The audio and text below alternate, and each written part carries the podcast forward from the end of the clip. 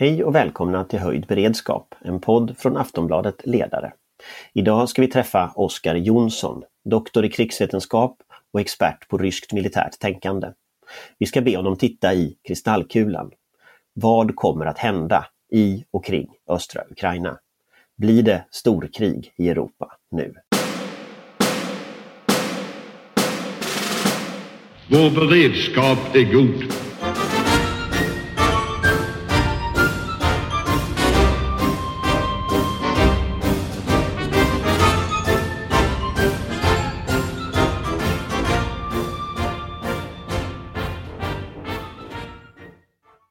Ja, då, då eh, var vi tillbaka här. I, vi är i vår studio, eller vi är inte i vår studio, vi är på internet igen, vilket är lite ledsamt. Eh, vi hade ju hoppats att vi skulle kunna komma tillbaka till studion efter årsskiftet, men av orsak som jag tror att alla förstår så är vi inte där. Men vi som är här i alla fall, det är jag, Anders Lindberg, och så är det Patrik. Och Sanand, Tankesmedjan Frivärd. Och Amanda. Uh, Amanda Wåhlstad, Svensk Tidskrift, uh, sitter nere i Malmö. Och så har vi då med oss en gäst idag och det är Oskar Jonsson. Välkommen! Tackar! Kul att vara tillbaka! Ja, förra gången som du var med så hade du just publicerat din doktorsavhandling uh, The Russian Understanding of War. Och du är ju doktor i krigsvetenskap, jobbar på Försvarshögskolan uh, sen i förra veckan eller någonting. Och uh, välkommen tillbaka! Ja, tackar så mycket! Ja, och vi vill ju diskutera den politiska situationen som har uppstått kring eh, gränsen till östra Ukraina. Och bara för att säga var vi är i tid precis när vi spelar in detta så eh, spelar vi in det här på söndag den 9 januari. I fredags så hade NATO möte.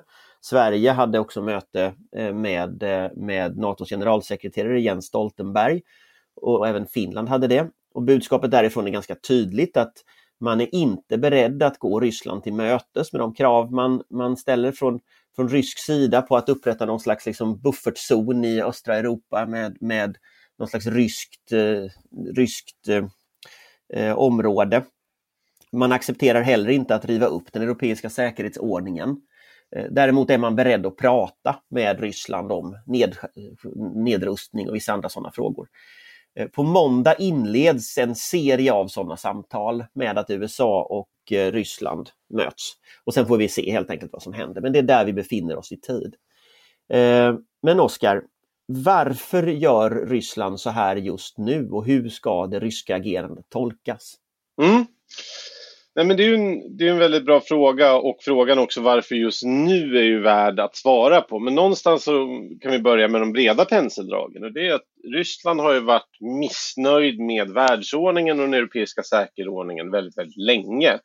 Eh, 2007 publicerade man förslag på ett nytt säkerhetsfördrag som var ganska mycket liknande det här och destillerar fram essensen i det så, så tycker de att så ser de att världsordningen har varit USA-ledd eh, och de känner sig osäkra på grund av det och de vill på någonstans institutionalisera ett stormaktsveto där eh, med med inflytande i sina grannländer som buffertstater. Den andra drivkraften jag skulle ta upp det är ju missnöjd med utvecklingen i Ukraina. Eh, 2014 så hade man en bild, man har gjort analysen och förhoppningen att man hade säkerställt ett form av veto i Ukrainas eh, inrikespolitik medan man ser att Ukraina har utvecklats till en ganska eh, stabil stat som samarbetar mer och mer med väst. Eh, och det finns ett ganska kraftigt stöd mot Ryssland för västligt samarbete där.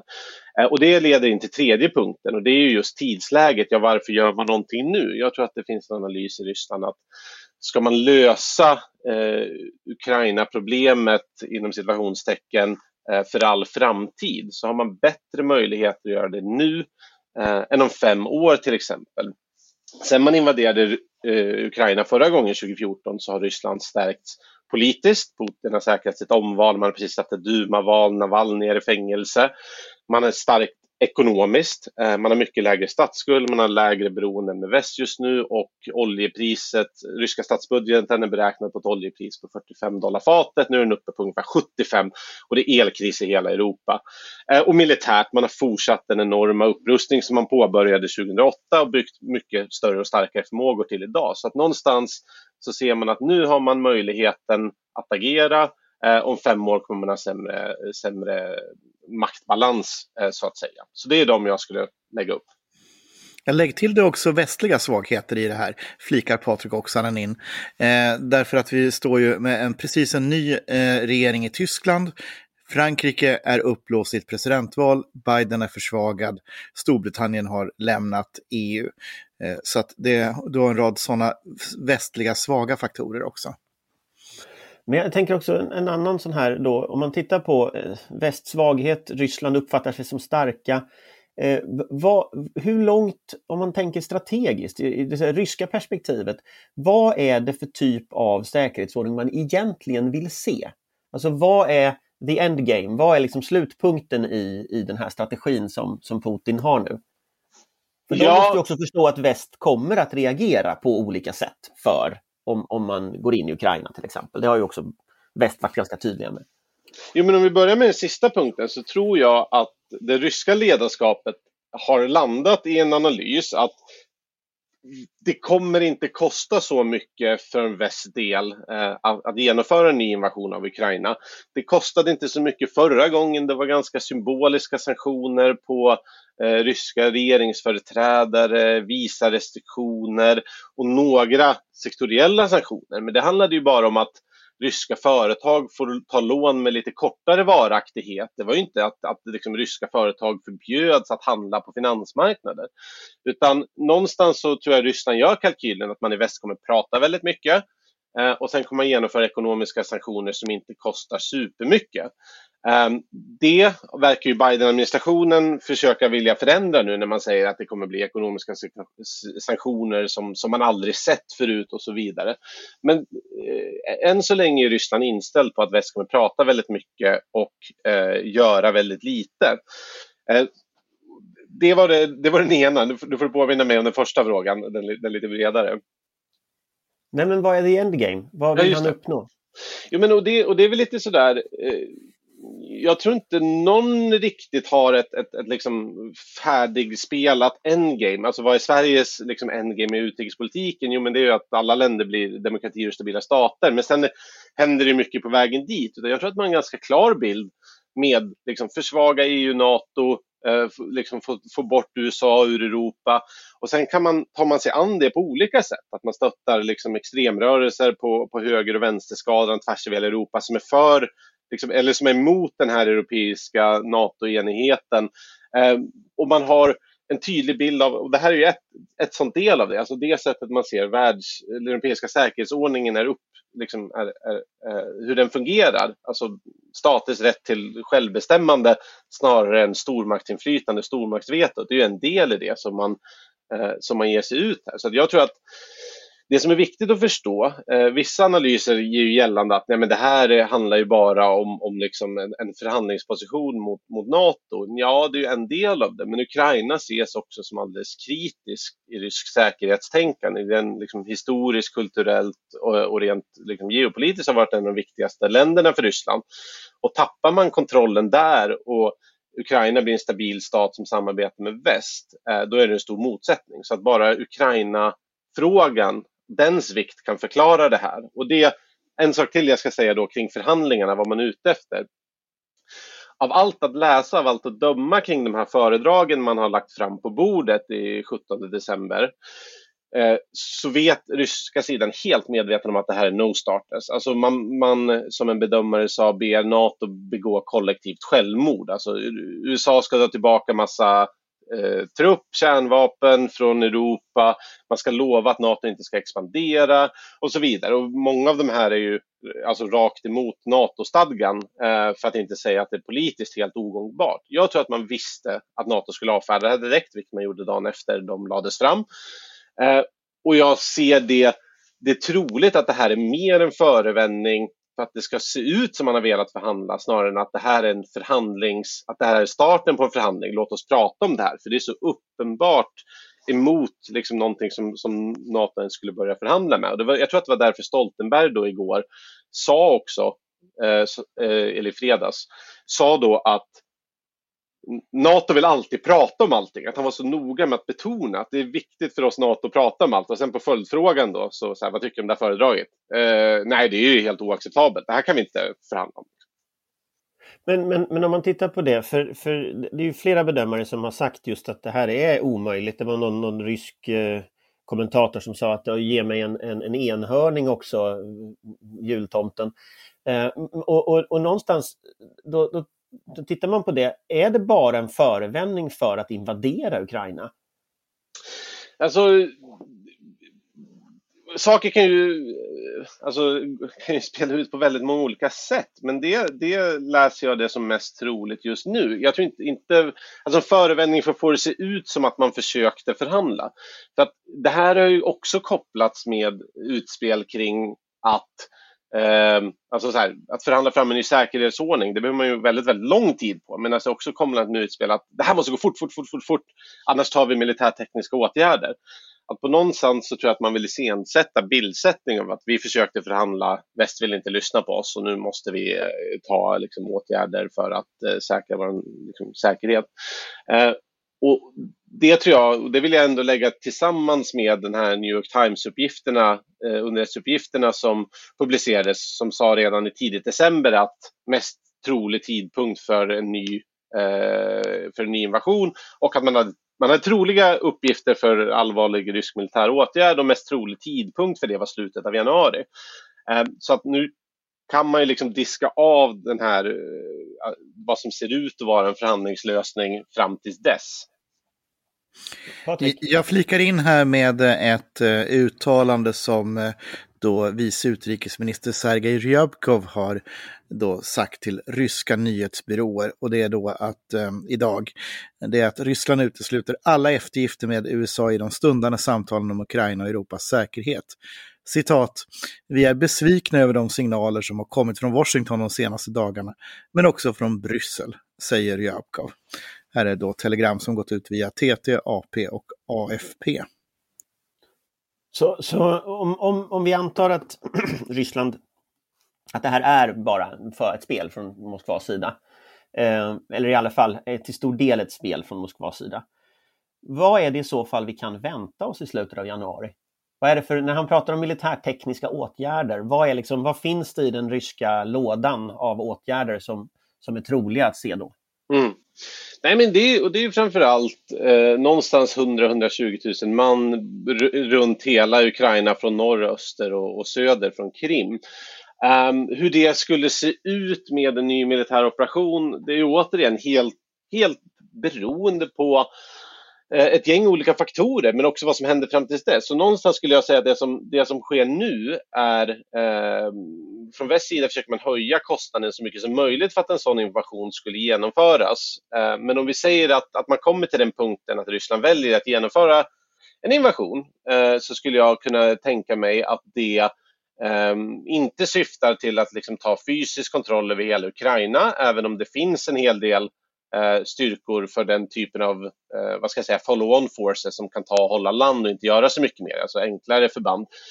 Um, jag tänker mig att det skulle eh, inom några veckor tror jag huvuddelen av ukrainska arméns organiserade förmågor skulle vara eh, utslagna och sen så skulle de övergå till någon form av partisankrig, eh, vilket jag tror att de skulle vara väldigt beredda och villiga att göra. Ehm, men jag tror att bland annat skulle vi se väldigt mycket, alltså Ryssland har ju väldigt mycket luftöverläge, de har långräckviddigt raketsatellit som man i princip kan liksom skjuta in till Kiev från belarusiska gränsen med.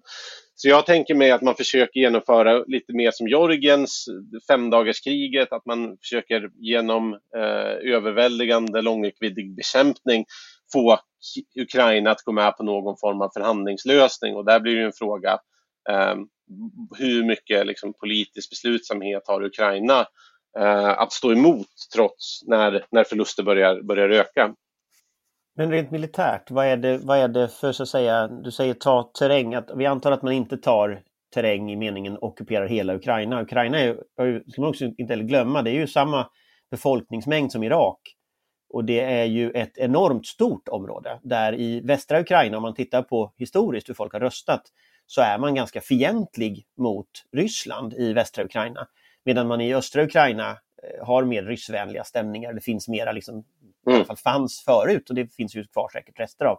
Alltså, det har diskuterats en landbrygga till, till Krim till exempel, att man vill ta, vilket man inte lyckades med förra invasionen. Mm. Eh, man pratar om att man ska kanske upprätta de här fejkrepublikerna, Don- Donetsk och Luhansk, att man på något sätt ska, ska liksom bygga upp dem som man har gjort eh, i, i Georgien motsvarande. Alltså vad är liksom, Mm. vad är din bedömning här? Nej, men jag, jag, jag tror att det kommer i, i sådana fall finnas ett par punkter av, in, av intresse. Alltså någonstans tror jag att man vill ha en, en, en väldigt långtgående politisk lösning.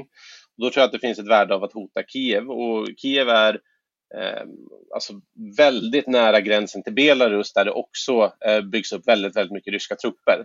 Så det tror jag, alltså huvudstaden, den som är viktigast, det, det kommer att vara en del. Ehm, sen så tror jag att man kan, det är inte osannolikt att man får se något liknande Eh, vad folk brukar kalla hybridscenarier som man såg då i Donetsk och Luhansk. Det försökte man i Charkiv och Odessa att genomföra, alltså folkliga revolter eh, med liksom spontana eh, självkämpar med liknande kupper. Eh, det tror jag absolut kan, kan, eh, kan ske igen och så får man se om de funkar. Det var ju Donetsk och Luhansk de funkade. Det var ju inte bara för att man försökte mer där, utan det var där det funkade och sen så fortsatte man. Eh, som du säger om- kring Tidigare så har Ukraina varit delat mot, väldigt delat öst mot väst. Sen har det där förändrats lite efter invasionen 2014. Och nu har ju liksom den generella delen även i öst blivit mycket mer eh, liksom antirysk. Eh, sen finns det såklart mer stöd där fortfarande än i väst. Eh, nej, så att jag tror att det, det, det, det är nog det jag hade kikat på också som du nämner, eh, landbro till, till, till Krim. Nu har man ju byggt en bro, eh, en direktbro till Krim och så, men jag tror ändå att det kan vara eh, det finns lite vattentillgångar och sådana saker som är viktiga där. Det finns mycket mineraler och resurser i östra Ukraina. Men jag tror att det viktigaste här är någonstans tvinga fram en politisk lösning varav eh, bland annat det kommer fokuseras mot, eh, mot Kiev. Och sen så är fördelen att Ryssland har liksom tre grova anfallsriktningar eh, nord, öst, syd. Att man kan omringa och liksom slå mot ukrainska armén från två olika håll. Och, och om man tittar då på, du pratar om väst försöker höja priset för att det här ska inträffa då. Om man vill höja priset, Mm. vad är det man ska göra i så fall? Nej, men, och, och, och här någonstans hamnar ju Ukraina eh, rakt i mitten. Alltså, å ena sidan så har vi Ryssland som säger låt oss omförhandla hela världens säkerhetsordning för att undvika ett krig. Å andra sidan har vi väst som säger eh, vi vill gärna undvika ett krig men vi vill inte omförhandla vår säkerhetsordning. Eh, och då är den, det hotet som är nu är ju militärt våld mot Ukraina. Eh, och hur mycket, eh, och det, jag ser inte att den kalkylen kommer förändras, att väst kommer säga okej låt oss kompromissa kring allting bara för att ni inte ska invadera Ukraina. Utan då kommer det snarare vara eh, då kommer det snarare gå vidare. Jag tror att det finns, alltså det, det som skulle göra en enorm skillnad det är ju att ställa NATO-trupp där, men det skulle innebära alltså tredje världskriget direkt. Eh, så det tror jag inte, det håller jag som väldigt osannolikt att det skulle ske. Eh, Kort därom så finns det ju eh, egentligen två saker och det ena är ju liksom förstärka ukrainska militära förmågorna. Eh, De kommer inte på allvar förändra den militära balansen där, även om man ger dem mer eh, liksom, pansarvärnsvapen, även om man ger dem mer beväpnade drönare, så har Ryssland sådana eh, liksom integrerat luftförsvar, sånt luftöverläge, sån långräckviddig bekämpning överläge att det inte kommer förändra. Men det kommer att öka kostnaden eh, och det är någonting som USA gör. Ehm, och eh, Sverige är ju där bland annat tränar ukrainsk trupp. Och det andra man kan göra det är ju att försöka mm, liksom, vara tydligare och förbereda storskaliga sanktioner mot Ryssland. Nu har det diskuterats Nord Stream 2 till exempel, skära bort Ryssland från Swift, men jag tror att någonstans så kommer inte EU gå hur långt som helst med det. Eh, det är för stora liksom, ekonomiska flöden mellan Ryssland och EU. Eh, och jag tror att Ryssland, liksom, målet med vad Ryssland är ute efter och ute efter här i världen handlar inte om att ut, finna liksom, ekonomisk tillväxt i Ryssland. Det är liksom tertiärt för den ryska ledningen. Så att bara faktumet att, att det man ska försöka hota och påverka kalkylen med ekonomiska medel tror jag gör att man hamnar i underläge.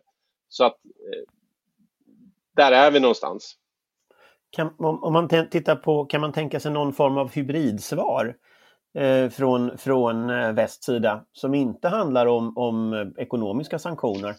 Alltså, tänk- de, de, det, det du pratar om nu, det, det är ju, det är ju liksom konkreta ekonomiska förändringar för, för Ryssland. Och tittar vi en, en sån sak som när vi pratar om smarta sanktioner historiskt, då har man ju riktat sig på personer till exempel. Mm, Att mm. man skulle kunna ha sanktioner mot eh, Putins oligarkkretsar, man skulle kunna ha, alltså mot de företag som backar upp armén tydligare. Mm. Sverige köper väl eh, till exempel eh, till vår, till vår kärnkraft så köper vi från, från ryska, ryska, före, ryska företag som är kopplade till liksom de ryska kärnvapen, eh, eh, ryska kärnvapen och sådär. Det måste finnas mängder av sådana Mm. sanktioner runt om i Europa där det finns möjlighet att, så att säga, skära av ekonomiska flöden direkt Mm. till den kretsen. Nej men absolut. Men sen har- information också och sånt. Alltså det finns ju må- många andra hybrid, alltså Mm. saker som är lite mer smarta liksom. Mm.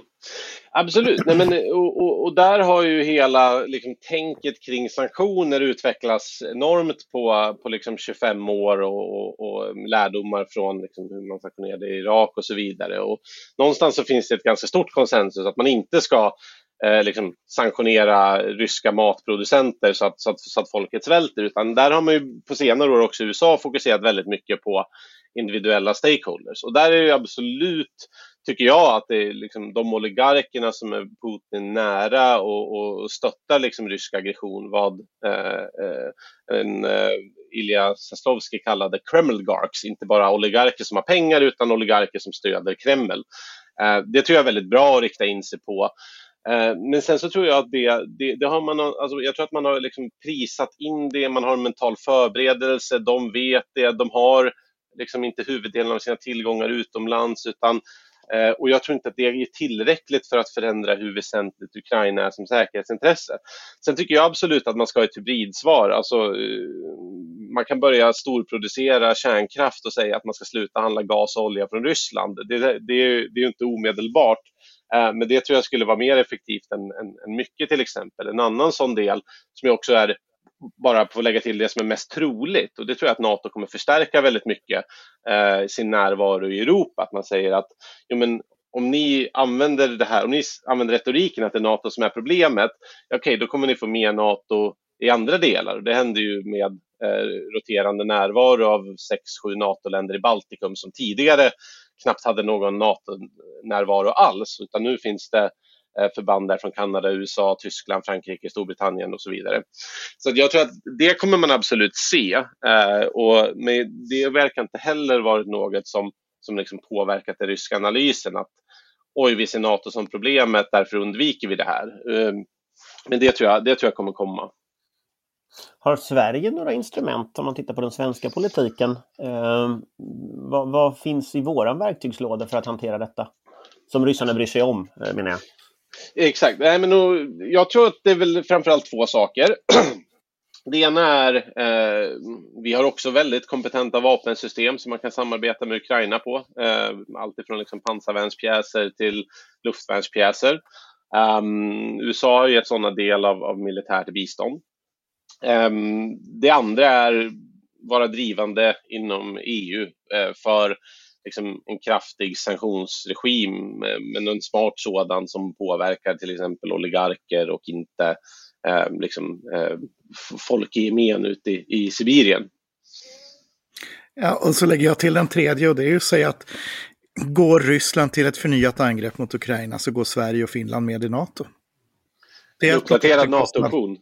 Ja, Det, det kommer ju inte att hända dock i, närtid. Eh, nå- någonting, någonting, någonting av det där kommer ju inte att hända i närtid. Men däremot, däremot så finns ju, du skrev, eh, Patrik idag i, i Svenska Dagbladet så skrev du en text om att vi borde bli som Finland. Vad, precis. vad menar du med det? Bortsett från själva NATO-optionsdelen så att säga. Varför ska vi Nej. bli som Finland? Nej, men Finland kombinerar ju just nu både eh, militär förmåga med ett mycket, mycket tydligt signalspråk från den allra högsta statsledningen på ett sätt som Sverige har lyst med sin frånvaro. Sen ska man då lägga till att jag lämnade in den där texten innan Magdalena Andersson la ut sitt eh, uttalande eh, på regeringens hemsida. Men vi ska komma ihåg att vi inte hört Magdalena Andersson prata om det här, utan det är bara ett skriftligt uttalande som Magdalena Andersson har gjort. Det här ska vi då jämföra då med eh, återkommande framträdanden, då både i president Niinistös nyårstal och i intervjuer med, med statsminister Sanna Marin, så har Finland varit extremt tydlig med att det är Finland själv som avgör om man går med i NATO och ingen annan.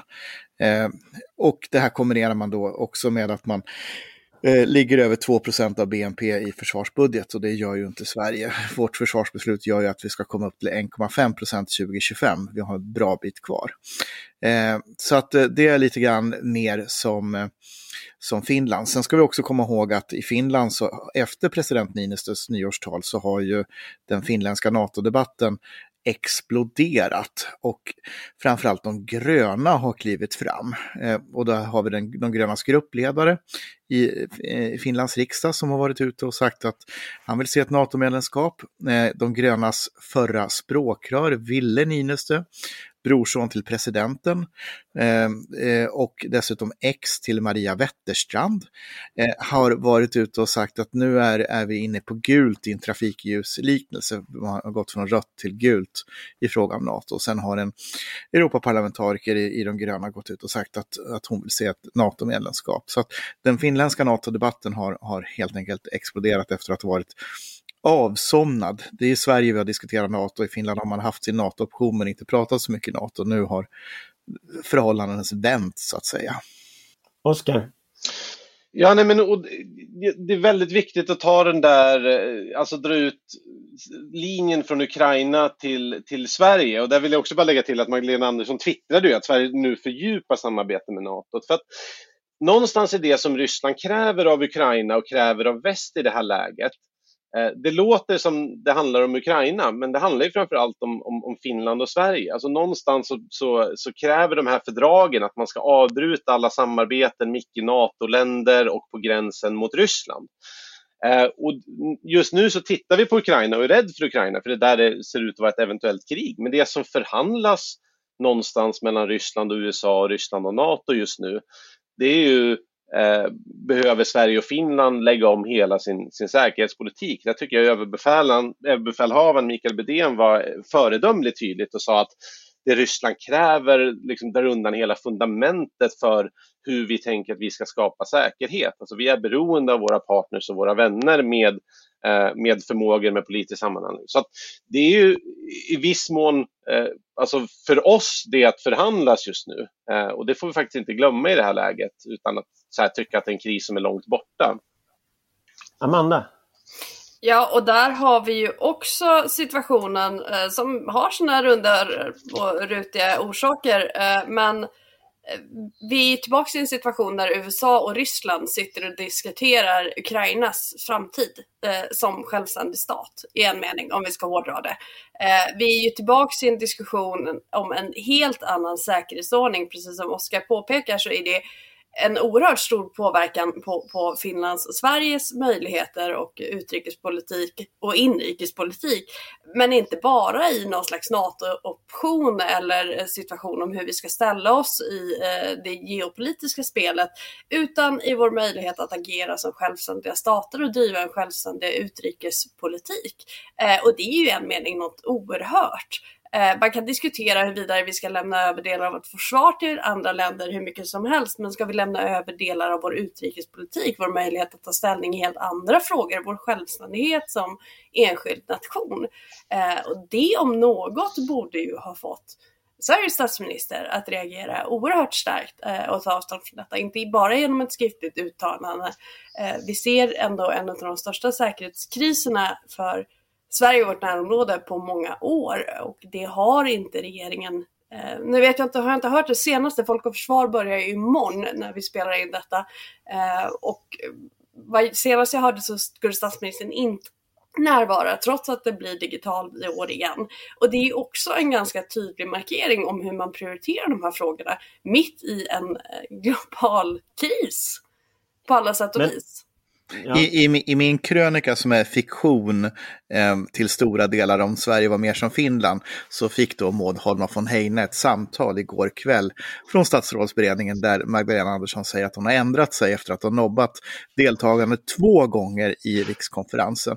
Så att hon kommer och håller in, in, i, i, då inledningsanförandet istället för försvarsminister Peter Hultqvist. Vi ska tillägga då att så vitt vi vet så är detta bara fiktion eller en förhoppning om att så borde ha skett. Men, men så är ju vad vi vet inte fallet. Men, men eh, om jag, jag vill nog ändå försvara eh, regeringen lite grann här. Jag tycker att både Magdalena Andersson och Peter Hultqvist har varit väldigt tydliga i sina uttalanden. Eh, och inte minst Peter Hultqvist när han ganska systematiskt har avfärdat allting som, som Ryssland säger i vanlig god ordning. man kan, så, man, man kan så, ju ha Däremot håller jag med om att det är klart att de, de, borde, vara, de borde vara där. Sen, sen är det ju så att på onsdag så är det ju partiledardebatt i riksdagen.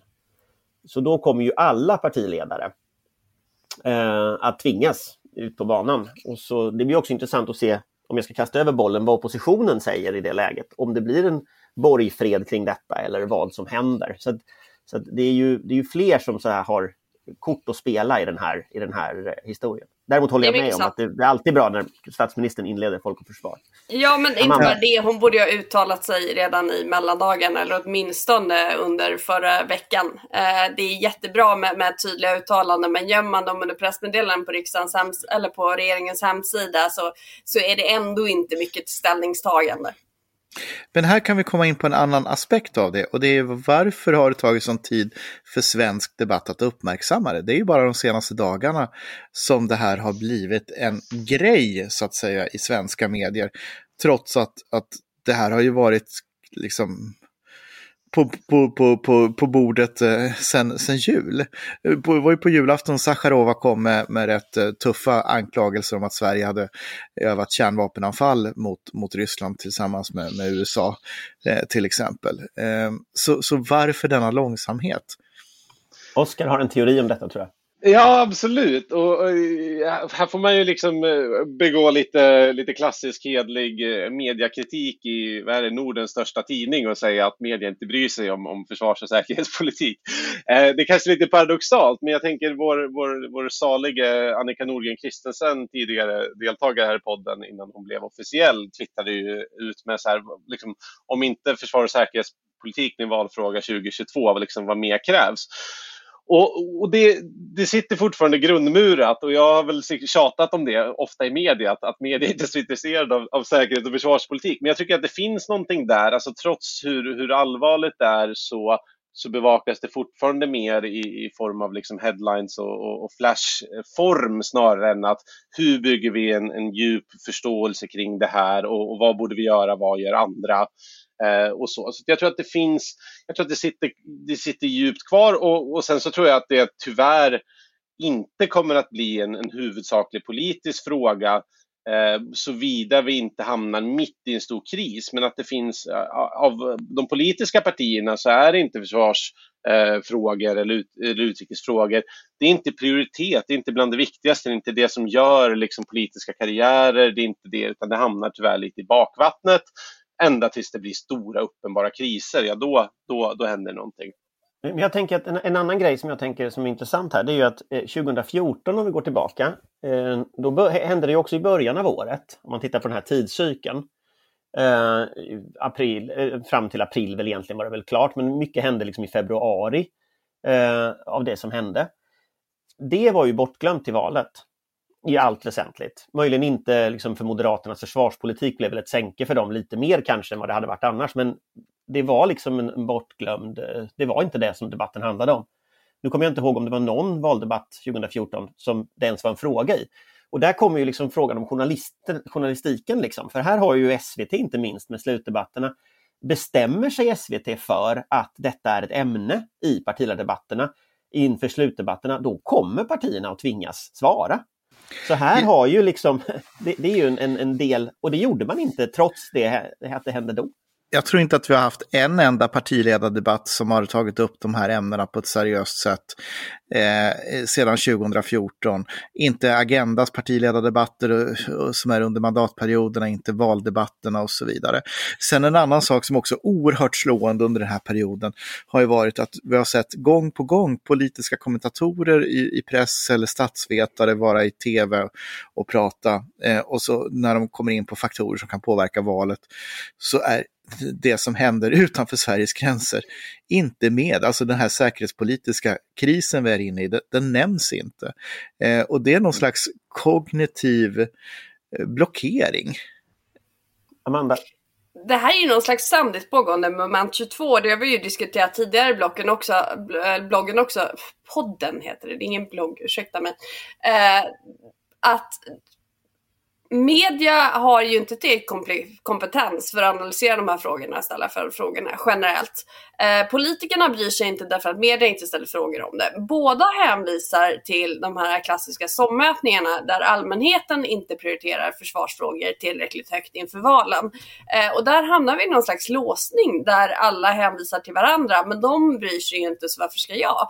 Eh, och där, inte minst våra politiker får ju ta lite jäkla ansvar där. De har ändå ansvar för rikets ledande, inte minst regeringen, men även naturligtvis oppositionen, och fortsätta lyfta frågorna. För oavsett om väljarna bryr sig i dagsläget så är de ju högst relevanta för Sverige och vår liksom, fortsatta demokratisk fortlevnad. Så att, att hänvisa till att det inte är en tillräckligt prioriterad fråga av väljarna inför valet är ju fullständigt absurd. Det är ju lite samma med elkrisen eller egentligen vad som helst en, en genomsnittlig väljare bryr sig inte och ska inte behöva bry sig innan krisen är en faktum och det ska den inte hinna bli. Därför att där har politiker och media ett gemensamt ansvar för att någonstans ha lite koll på varandra och driva de frågorna som spelar roll för landet och inte bara för genomsnittsväljaren. Eh, så det, går liksom inte att skylla på det, i synnerhet inte i, i högt uppsatta politikers fall och inte heller som Anders påpekar, SVT har ju ett stort ansvar här, både som organisatör av väldigt många av de här debatterna och drivande inför valet, eh, men också som public service med ett totalförsvarsansvar. Och i det ligger ju faktiskt att väcka opinion och bevaka de här frågorna eh, redan innan krisen kommer, men framför allt när vi är rakt, på väg rakt in i den. Om man, man ska bredda diskussionen lite, så, lite geografiskt, så det är ju, nu har vi pratat om Ukraina, det är ju den ena delen av det som spelas ut nu väldigt tydligt och som väl Ryssland har iscensatt, planerat, övat för och så. Vad man inte verkar ha övat för och iscensatt är ju Kazakstan. Och det som har hänt i Kazakstan, med en kort recap, det är ju att det var ganska stora protester, inte minst i den största staden Almaty, eh, kring, kring gaspriser. Men de har sen kanaliserat ett ganska brett folkligt missnöje med, med eh, landets ledning, den enorma korruptionen som finns i Kazakstan. Och i slutet av förra veckan så gick nu ryska eh, fredsbevarande fallskärmsjägare, jag noterade just fredsbevarande fallskärmsjägare kändes som ett intressant uttryck, landade på flygplatsen och 3000 man tillsammans med några symboliska eh, soldater från eh, Armenien och Belarus i det här säkerhetssamarbetet som, som man har. Och nu säger man då när man lyssnar på rysk media i alla fall att man har fått kontroll och det är allt är lugnt och det händer ingenting och sådär. Det, det är ju intressant naturligtvis men, men, men Oskar, hur påverkar den här krisen helheten i den ryska kalkylen? Ja, det, det finns ett direkt och det finns ett mer eh, långsiktigt svar. Jag tror att det, det första man ska se, alltså här har ju också bedömare kommit med hela, hela skalan av, eh, av hot takes och, och jag, jag är ganska kritisk. Det är många som inte kan något om Kazakstan, inte varit i Kazakstan, har ingen koll på folket, ingen koll på drivkraften, ingen koll på vad Ryssland gör. Så att, först ska jag bara uppmana till lite skepsis till vad det är som, som, som händer i Kazakstan. Jag tror att eh, de eh, tusentals styrkor som Ryssland har skickat dit, de fredsbevarande fallskärmsjägarna, de är inte fredsbevarande i termer av trupper som har utbildning för att genomföra fredsbevarande uppdrag, utan det är, de har flygits dit, de verkar framför allt skydda kritisk infrastruktur och jag skulle beskriva operationen som någonstans eh, ett eh, liksom mycket inflytande för, för låg kostnad. Eh, det påverkar inte på något sätt uppbyggnaden i, i, i, runt Ukraina utan det här är en sån liten kontingent som tas från andra förband att det, eh, det påverkar ingenting. Eh, sen är frågan, ja men vad händer? Eh, hur, hur, kommer det här att spela ut sig? Alltså någonstans så har ju eh, rent periodiskt har ju alla gamla forna Sovjetstater drabbats av folkliga uppresningar och mot ett ofta ett korrupt och eh, ineffektivt styre. Eh, det är det som pågår fortfarande i viss mån i Belarus. Det har hänt framgångsrikt två gånger i Ukraina, det har hänt i Georgien. Det har hänt i Armenien, det har hänt två gånger eller med riktiga revolutioner i Kirgizistan eh, och så vidare. Så att, eh, det är i flux där. Eh, hur det kommer ta slut, eh, det vet jag inte. Nu har ju stora delar av polis och militär, eller stora delar, förlåt, men delar av polis och militär hoppar ju av till protestanterna. Eh, de känner sympati där och det kan man ju förstå. För en sak som bara lägger upp då är att Tenj Eh, den lokala valutan, den har tappat 50 procent sedan 2016 och nu tar man bort eh, energisubventionerna. Alltså folks köpkraft har liksom totalt förintigats. Så att någonstans skulle man kunna se det här lite på kartan, även om det är svårt att säga när det här sker och hur, hur effektivt det blir. Det, forskningen på revolutioner och så visar sig att mycket av det eskalerar vid tidpunkten av polisövervåld och militärer. Eh, och där någonstans är vi nu i den, i den kritiska punkten då man sätter väldigt hårt mot de här protestanterna och antingen så dör det bort eller så, så blåser det upp. Eh, Kazakstan är också en av de viktigaste länderna till Ryssland i, i, i CSTO och i CES. CSTO är då ryska NATO som det kallas och det är inom det fördraget som, som trupperna är där. Ehm, och ja, som du säger, korruptionen. Eh, uh, Nazarbajevs palats, liksom, han har 15 lyxpalats över hela Europa och det sticker i ögonen något enormt, ungefär som Janukovics guldtoalett i Ukraina. Eh, Medan folket eh, försvinner. Nej, så att, förlåt, det direkta tror jag att styrkemässigt inget problem för Ryssland.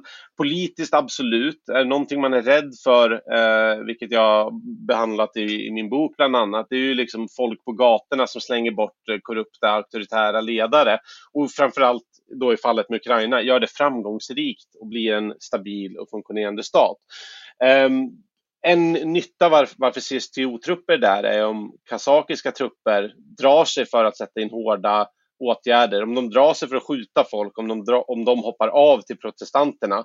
Därav kan det spela en stor roll med, med CSTO-trupper. Sen så blir det också en enorm blowback, eh, risk för en enorm blowback om, om liksom ryska trupper skjuter kazaker. Det kan bli väldigt snabbt väldigt antiryskt där. Patrik? Ja, nej, men det är ju en väldigt eh, eh labil situation därför att det som Oskar här allra sist pekar på, det kan bli, bli eh, motsättningar i Kazakstan mellan den ryska minoriteten och den kazakiska majoriteten. Eh, det gör ju att det här kan få väldigt långsiktiga återverkningar som kan bli problematiska för Ryssland. Men, men i det korta bilden säger att Ryssland stärker sin ställning genom att eh, CSTO används på det här sättet och att eh, CSTO, eh, den här mekanismen då används av, av den kazakiske presidenten och att Ryssland då som broderland eh, skydda, skyndar till, till hjälp. Och då är det väl läge att ta det här gamla skämtet från Radio Jerevan, alltså det gamla Sovjetskämtet. Vad är det för skillnad på broderländer och vänskapliga länder? Ja, ett broderland, det är ju släkt, familj, det, det kan man inte välja själv. Medan vänner får man välja själv. Amanda? Det är ju intressant att se hur relativt fort den här utvecklingen har gått. Och då menar jag inte primärt utvecklingen i Kazakstan utan utvecklingen med rysk eh, hjälp eh, till Kazakstan. Och eh, att presidenten har gått ut och begärt eh, rysk assistans Eh, Eh, för de är ju formellt där på, på en officiell inbjudan. Eh, man skulle ju gärna vilja veta mer om spelet bakom det och eh, hur länge Ryssland har haft ögonen på detta. Eh, sen är det ju också intressant, jag delar ju helt eh, analysen att man inte har några problem truppmässigt eller styrkemässigt med att hantera de här kriserna, den i Kazakstan är ju ändå för rysk del eh, relativt begränsade nu samtidigt.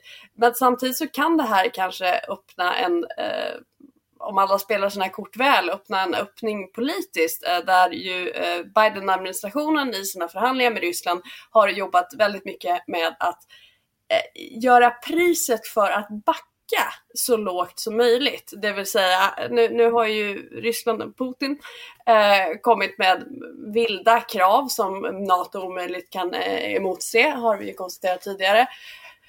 Uh, men, och, och i en mening låst fast sig i detta, för man har ju ändå haft en ganska kraftig uh, retorik och uh, menat att det här är liksom inte förhandlings... De här förhandlingarna är i en mening inte förhandlingsbara. De här kraven är inte förhandlingsbara hur man då sänker kostnaden för att backa, det vill säga gör det möjligt för Putin att ta ett steg tillbaka från de här kraven utan att förlora ansiktet fullständigt, eh, vilket är en väldigt viktig fråga för eh, Putin, inte minst. Eh, och då är ju frågan om, om Kazakstan möjligen skulle kunna öppna upp en sån möjlighet, eh, att man har ett annat fokus, man kan ta en ganska snabb seger, eh, utöka sitt eh, sitt, sitt inflytande i området och att detta egentligen på intet sätt skulle, skulle rädda Ukraina, eh, vare sig på kort eller lång sikt, men att det ändå kanske skulle kunna mildra den, den geopolitiska situationen. Eh, och skulle det vara så, så, så är det säkerligen någonting Ryssland har räknat med. Eh, det, det jag funderar på, hur, hur har diskussionen om detta gått i Kreml inför eh, insatsen i Kazakstan och vad har man själv haft för liksom, tankar om hur detta skulle kunna distrahera och hur skulle kunna bli en politisk vinst eh, bortsett från Ukraina? Oskar? Ja, nej, men jag tror att det... Jag är inte säker på att Kazakstan kan, eh, kan, kan, kan eh, kan ge som en vinst så. Det, det, det jag tänker på, som Amanda är inne på, det, och värt att belysa lite, det är att det finns en total kollision mellan hur man förhandlar eh, i Ryssland, hur ryssar förhandlar och hur väst förhandlar. En rysk förhandling börjar alltid med att man testar sin motpart, man provocerar, eh, man eskalerar, man försöker lista ut om, om de är eh, liksom seriösa interlokutörer, vad, vad de har för något. Eh, och det är alltid en del av de här maxbuden. Alltså det är en del av att se hur reagerar man på, på, på maxbud, hur reagerar man på provokation.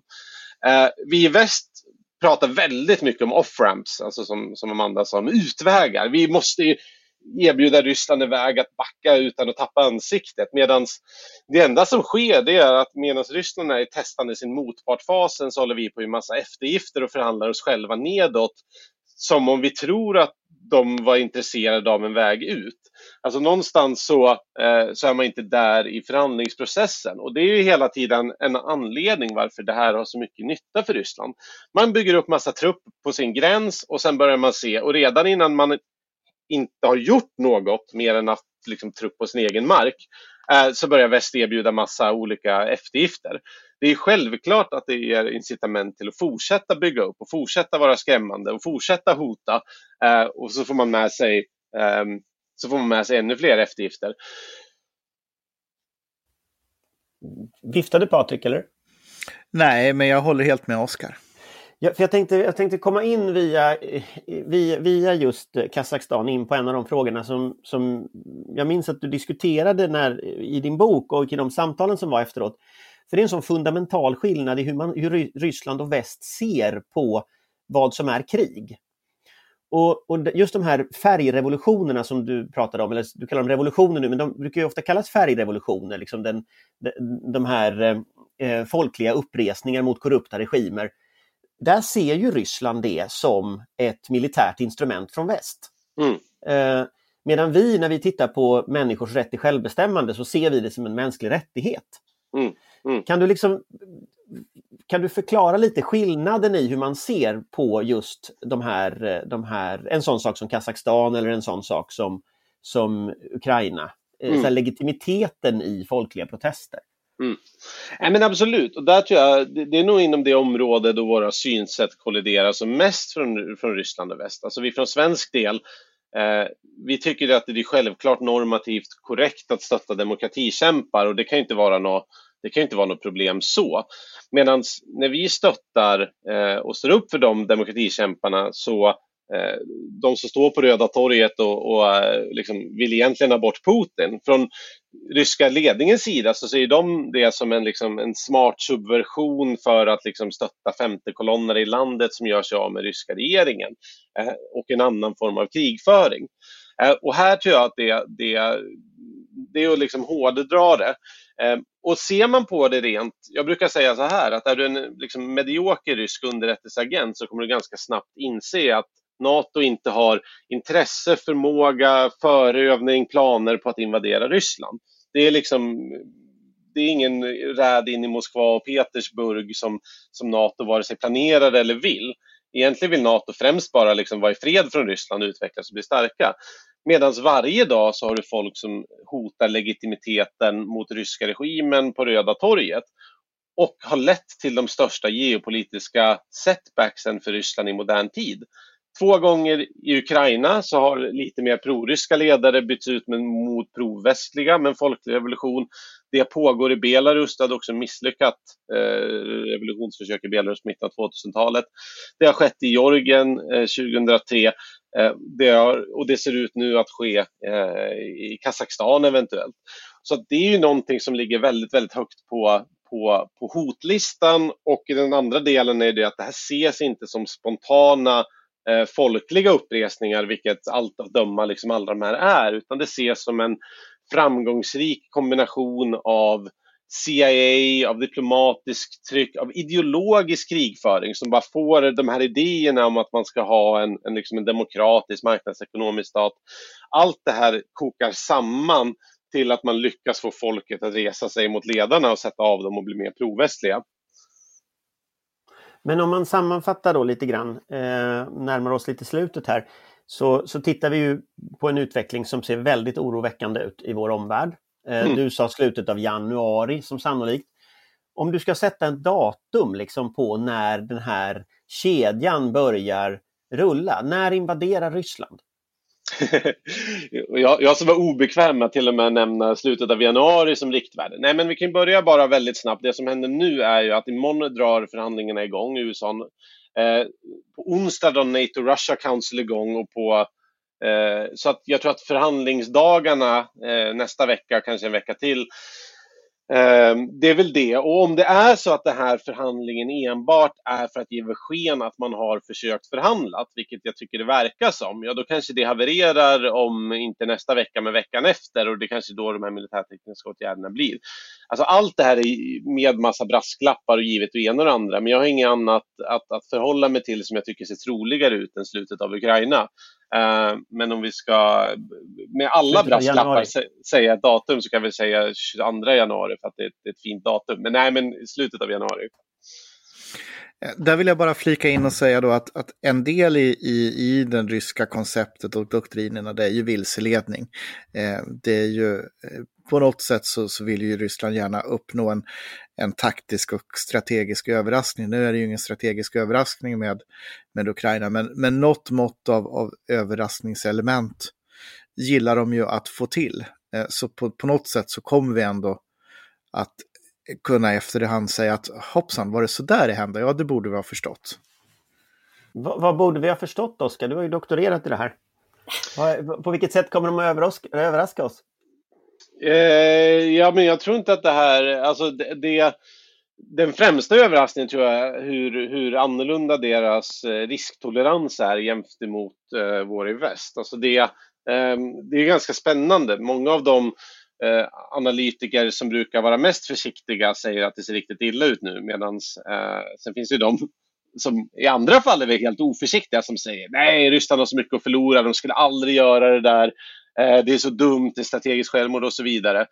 Eh, nej, jag tror att det, det, det vi skulle förstå och vi borde ha förstått för ett tag sedan, det är att Rysslands risktolerans är mycket högre än våran och den är högre än vad vi tror att den är. Men då tackar vi dig för det och så får vi bjuda in dig om någon månad igen och se om du hade rätt. Ja, precis. Eh, början av februari så får vi se hur det står till då. Tackar så ja, mycket. Och, och, och, innan dess, innan de här, samtidigt som de här förhandlingarna börjar på måndag så börjar ju också Folk och Försvar. Och då kommer också podden tillbaka med analyser och diskussioner kring Folk och Försvar. Eh, sen blir det ju digitalt i år, eh, som vi vet. Men eh, tills dess så önskar vi en trevlig helg, kvarvarande helg. Hej då! Hej då! Hej!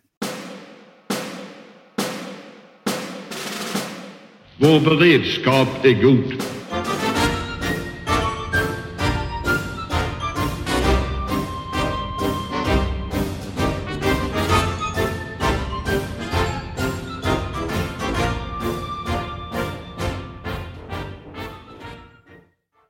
Du har lyssnat på en podcast från Aftonbladet. Ansvarig utgivare är Lena K Samuelsson.